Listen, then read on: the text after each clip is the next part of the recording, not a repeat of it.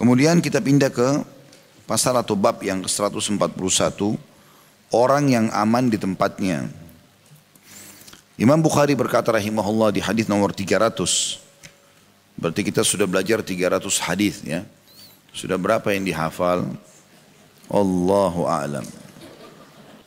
Baik, Imam Bukhari berkata Bishir Ibn Marhum mengabarkan kepada kami ia berkata Marwan bin Muawiyah mengabarkan kepada kami dari Abdurrahman bin Abi Shumailah Al-Ansari Al-Qubai an Salamah bin Ubaidillah bin Mihsan Al-Ansari radhiyallahu anhu an abihi an Nabi sallallahu alaihi wasallam qal man asbaha aminan fi sirbi mu'afan fi jasadi indahu ta'amu yaumi faka'annama hizat lahu dunya dari Salamah bin Ubaidillah bin Mihsan al-Ansari radhiyallahu anhu majma'in dari ayahnya dari Nabi sallallahu alaihi wasallam beliau bersabda Barang siapa yang tiba di pagi hari dalam keadaan aman di tempat tinggalnya, diberikan kesehatan pada tubuhnya, dan ia memiliki makanan pada hari itu, maka seolah dunia terhimpun dan diberikan kepadanya.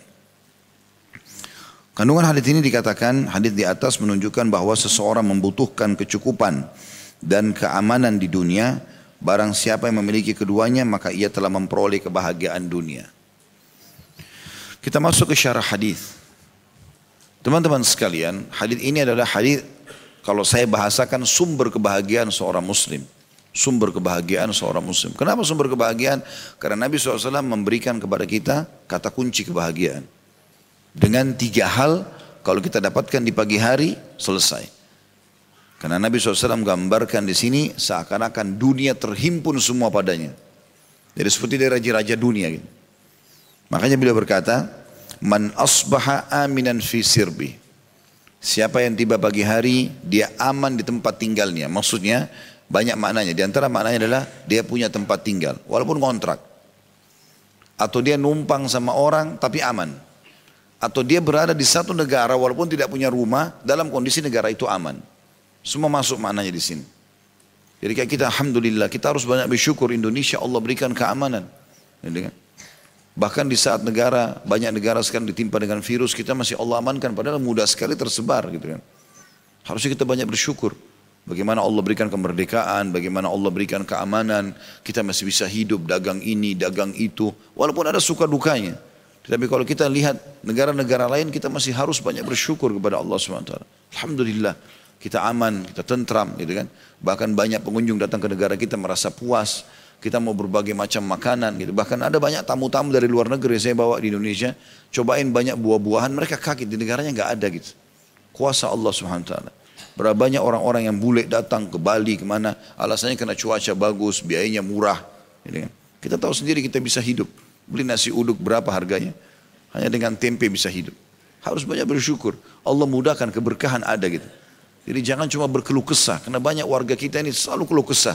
Semuanya salah. Dan uniknya kalau ada bagi dia, bagi dia pribadi itu salah, langsung mau dirombak total. Gitu kan? Ribut tentang masalah pemerintahan. Mereka mengatakan ini pemerintahan begini dan begitu, ganti saja. Ganti apa ini? Ganti presiden, ganti menteri, ganti gubernur, ganti bupati. Memang gampang. Siapa yang mau gantiin? Kamu yang mau gantiin. Nah, coba tanya dulu yang ribut-ribut ini, dia bisa urus rumahnya enggak? Nah, lihat rumahnya, dia sama istrinya sudah aman belum? Dia sama anaknya, dia sama tetangganya. Atau dia jadi RT dulu deh. Urus dulu tuh RT tuh 30 rumah. Bisa nggak? Tiap malam keliling-keliling tanya tetangga ada yang sakit nggak? Bisa nggak? Baru ngomong gitu. Ini ngomongnya luar biasa gitu. Jadi seperti saya bilang sering bahasakan seperti penonton bola. Lebih hebat dari pemain bola. Pemain bola dari kecil main bola. Begitu meleset penaltinya. Bodoh gitu. Dia kalau masuk belum tentu gol. Itu banyak sekali.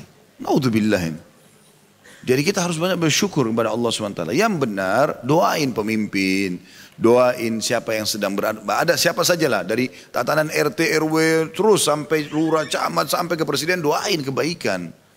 Yang saya lihat masih ada kekurangan kita teman-teman. Harusnya kita lakukan ini. Terlepas daripada, jangan bilang saya membela ini, membela itu. Bukan. Saya sedang membicarakan hukum agama karena siapa pun yang faham hukum ini dia akan sampaikan sama walaupun di Eropa, walaupun di Saudi, walaupun di mana-mana gitu. Islam menyuruh kita mendoakan pemimpin. Apa kata Umar bin Khattab? Dia kumpulin sahabat lalu dia bilang begini. Kalau seandainya kalian punya doa mustajab, Allah pasti kasih. Apa yang kalian berdoa? Ada yang bilang, ya Amir Mu'minin saya berdoa supaya Allah kasih saya harta banyak, lalu saya sedekah. Ada yang mengatakan, ya Amir Mu'minin kalau doa saya mustajab, saya minta saya bisa jihad, saya mati syahid. Ada yang mengatakan begini dan begitu, banyak. Semua kegiatan baik sebenarnya. Setelah selesai semuanya, lalu Umar ditanya, wah Amir Mu'minin, kalau anda doanya bagaimana? Dia bilang, kalau saya punya satu doa mustajab, saya akan doakan pemimpin muslim agar bisa jadi adil dan baik. Karena kalau dia baik, baik semua masyarakatnya, kan begitu. Ini tidak ada. Khutbah Jumat tidak kita dengarkan doa itu. Di Saudi seluruh masjid doain raja mereka. Supaya dapat hidayah. Orang mungkin ada yang buruk terus jadi baik. Bisa saja dengan doa-doa kita. Bayangkan kalau 100 juta, 200 juta orang doain luar biasa gitu kan. Daripada cuma tahu salah, bodoh ini, apa, ganti, luar biasa ini. Gitu. Seperti tukar-tukaran kartu, main kartu gitu gampang sekali gitu. Padahal repotnya luar biasa gitu. Maka kita harus lihat globalnya teman-teman. Kalau Allah subhanahu wa ta'ala berikan kita kayak negara kita aman, tentram, itu sebuah nikmat yang luar biasa. Itu masuk dalam makna hadis ini. Siapa yang tiba pagi hari kayak kita pagi tadi, Bapak Ibu bisa mandi, mungkin ada yang tidak puasa sempat sarapan, bisa pilih baju, bisa segala macam. Teman-teman kita di depan itu transaksi jual barang pun itu sebuah nikmat yang luar biasa. Walaupun mereka cuma jual barang beberapa pakaian, bisa transaksi. Ada beberapa negara nggak bisa orang jual, ketakutan, ya, tidak ada keamanan. Sulit sekali. Aman itu sebuah nikmat yang harus kita syukuri. Ya. Di Syria kalau kita lihat cuplikan sekarang, hampir 100 ribu orang mati dibunuh oleh presiden mereka. Itu sampai makan pasir. Ada yang sudah tidak makan mungkin dua bulan, tiga bulan nggak makan, cuma minum air. Badannya tinggal tulang saja. Dia, saya lihat cuplikannya. Begitu susahnya mereka gitu. Dulu mereka nikmat. Dulu negeri Syam itu, apalagi Syria, itu dibahasakan oleh orang-orang kalau jalannya ada yang retak jalan jalan aspalnya itu keluar pohon apel karena suburnya gitu kan tapi karena ribut sana sini protes jadi kacau semuanya ya jadi luar biasa ini harusnya orang banyak bersyukur kepada Allah Subhanahu wa Allah Maha melihat Allah Maha adil ya saya ulangi jadi di sini peringatan Nabi SAW yang pertama man asbaha aminan fi sirbi siapa yang bangun di pagi hari, aman di tempat tinggalnya. Baik, apalagi kalau dia punya rumah pribadi nih. Rumah pribadi besar, ada pembantu, ada supir, luar biasa. AC remote tinggal pencet jadi dingin, kamar mandi tinggal putar ada air panas. Ini nikmat yang luar biasa. Kadang-kadang saya kalau menikmati begitu di rumah, sudah nggak bisa ngomong. Mau ngomong apa sama Allah ini? Kita mau minum ada dispenser dingin, mau mandi ada air hangat, ada pembantu, ada supir, ada ini, semua ada. Buka kulkas, makanan semua ada. Pengen apa pun tinggal transport, tinggal beli, tinggal. Sekarang dengan online Allah mudahkan luar biasa. Ini syukuri ini. Kalau orang kufur nikmat bisa diangkat oleh Allah SWT wa na'udzubillah. Jangan. Banyak bersyukur. Alhamdulillah, Alhamdulillah. Ini nikmat yang besar. Dia kalau punya rumah. Atau dia punya kontrakan. Juga masuk dalam masalah yang penting dia aman. Atau dia tidak punya rumah sama sekali. Tapi berada di satu wilayah yang aman. Itu masuk dalam hadis ini. Karena dia masih bisa, dia tidur di bawah pohon, tidak ada yang ganggu dia. Gitu kan.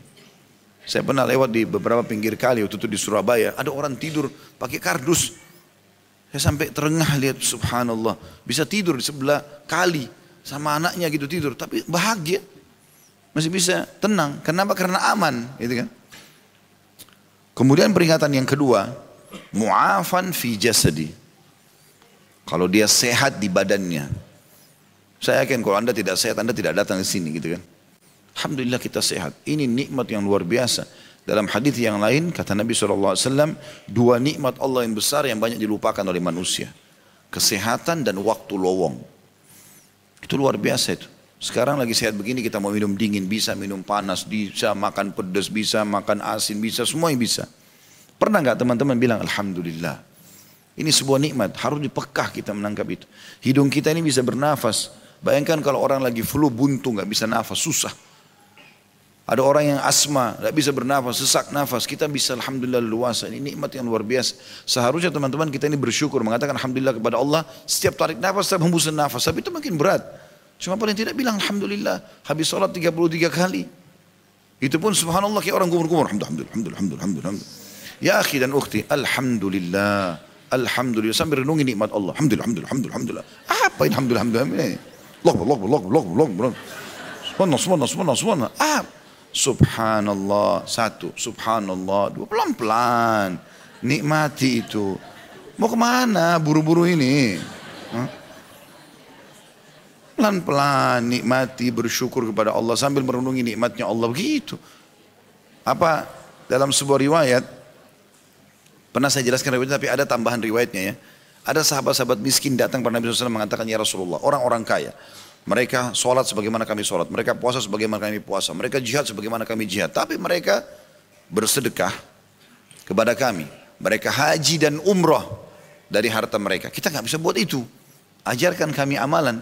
Kata Nabi SAW, ada amalan. Kalau kalian kerjakan, tidak akan pernah ada orang yang bisa menyamai pahala kalian kecuali orang yang buat seperti kalian. Apa itu ya Rasulullah? Kata Nabi baca subhanallah 33 habis sholat. Alhamdulillah 33. Allah Akbar 33 riwayat dan 34. Genapkan 100 dengan la ilaha illallah wahdahu la syarika la lahul mulku wal hamdu wa ala kulli syai'in qadir. Maka kalian akan dapat semua itu. Artinya dapat pahala jihadnya, dapat pahala haji, dapat pahala umrah. Sampai sebagian ulama memasukkan bahwasanya zikir habis sholat 33 kali ini masing-masing tadi subhanallah alhamdulillah Allah Akbar itu itu sama dengan pahala haji dan umrah. Lengkap sempurna itu kan luar biasa. Syukuri ini nikmat yang besar. Jari-jari kita masih bisa bergerak. Ya, saya pernah subhanallah di kelas oleh seorang dosen, beliau mengatakan begitu masuk kita sekarang akan bahas masalah nikmat Allah. Sekarang sekarang dia minta satu kelas kami 50 orang, tutup matanya semua. Kami tutup mata pada saat beberapa detik ikuti dosennya.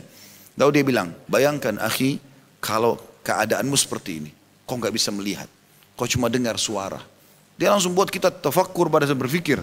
Itu di kelas. Dia berbicara sangat baik. Dia mengatakan coba renungi sekarang. Tutup mata terus lihat.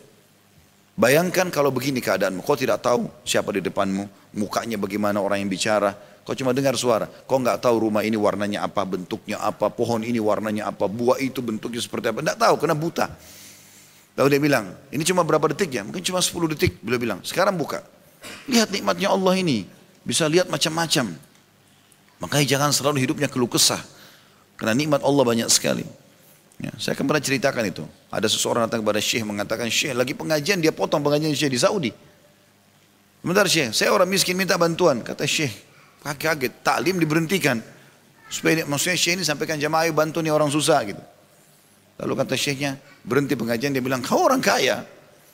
Dia bilang, Syekh saya orang miskin. Kata dia, kau orang kaya. Tiga kali. Sampai orang itu mengatakan, demi Allah saya orang miskin. Kata Syekhnya, demi Allah kau orang kaya. Terus dia bilang, bagaimana anda bisa tahu keadaan saya? Saya lebih tahu. Kata syekhnya, iya. Kau mau saya hitung hartamu? Mau. Berapa jarimu? Sepuluh. Mau nggak satu jari kau saya potong, saya bayar satu juta real. Tiga setengah miliar. Saya kasih, tapi satu saya potong. Oh nggak mau. Kau punya sepuluh juta real nih. Nih, banyak ini. Luar biasa.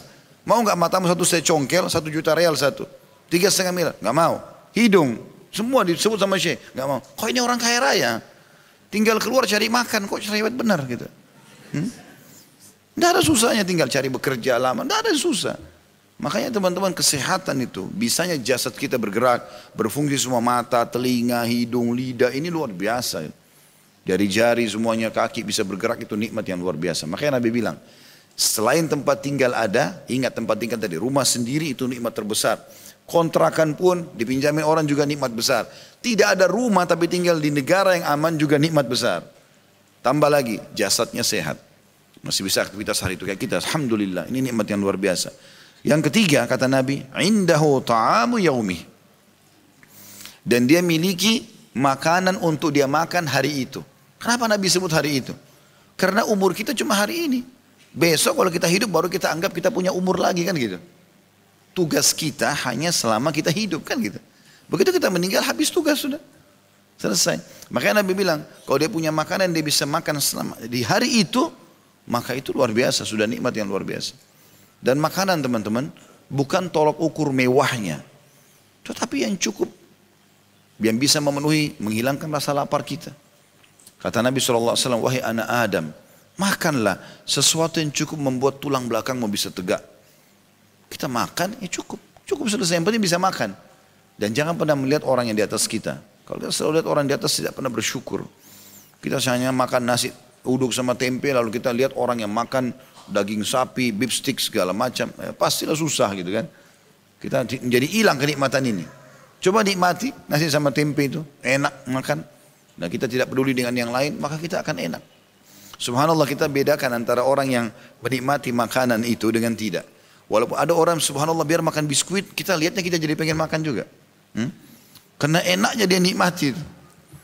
Ada beberapa teman-teman dulu di kampus, waktu kami masih di Madinah. Dia lagi makan gitu, kita juga dia pengen makan. Karena dia apa pun dia makan dia nikmati benar. Gitu kan. Itu orang yang bersyukur kepada Allah. Ada orang tidak biar makanan mewah. Ah, ini kemarin sudah makan. Ah, begini. Ah, begitu. Itu Allah sedang melihat itu. Terima kasih kepada Allah subhanahu wa ta'ala bersyukur. Tidak akan bertambah, tidak akan pindah kepada hal yang lebih baik kecuali kita syukuri dulu. Ada makanan hari ini biar sederhana, nikmat besar, syukuri. Apa kata Nabi SAW setelah mengingatkan tiga hal ini? Siapa yang punya tempat tinggal yang aman, siapa yang punya, siapa yang jasadnya sehat, siapa yang punya makanan hari itu saja. Gak bicara besok. Berasnya pun tidak ada kayak kita mungkin beras beli satu karung untuk satu bulan. Ya, taruh di mana tempatnya di rice box, box atau apa itu nggak ada begitu begitu. Kita tidak punya kecuali hari ini saja. Apa kata Nabi? nama hizat lahu dunia. Maka seakan-akan dunia ini semua kemanfaatnya sudah datang kepada dia. Nggak lagi dia butuh maksudnya. Itu selesai. Dia dianggap orang yang paling luar biasa. Dan ini peringatan Nabi alaihissalam yang sangat luar biasa di situ ada penjelasan kata juga saya ingin bacakan. Disebutkan sirbun dengan huruf sin dan di fathah dan di fathah berarti hewan ternak dan seseorang disebut aminan fi sir fi sarbi apabila ia tidak khawatir dan takut jika harta yang dimilikinya dirampok. Berkata dia dalam kondisi aman. Itu kalau dibacanya dengan fathah sarbun. Kalau dibaca dengan sirbun dengan huruf sin yang dikasra berarti sekawanan binatang liar dan juga burung. Sehingga maknanya aminan fi sirbi adalah dirinya, anggota keluarga dan para pengikutnya dalam keadaan aman. Mu'afan fi jasadi dalam keadaan sehat dan hizat artinya dikumpulkan lalu diberikan kepadanya. Tapi yang kita ingin garis bawahi adalah kalimat sirb. Jadi dia bisa dua makna, bisa sarbun, bisa sirbun. Ya, man kana man asbaha aminan fi sirbi bisa man asbaha aminan fi sarbi. Dua-dua maknanya sama. Dua-dua punya makna sendiri tapi dua-duanya kata ulama hadis masuk dalam makna ini. Baik itu sarbi atau sirbi. Kalau sarb tadi itu berarti dia tidak khawatir hartanya dirampok. Kalau sirbi adalah dia aman di dirinya, di keluarganya, di sukunya dan tidak ada yang mengganggu mereka. Seperti itulah. Dan ini makna yang sangat dalam tentunya.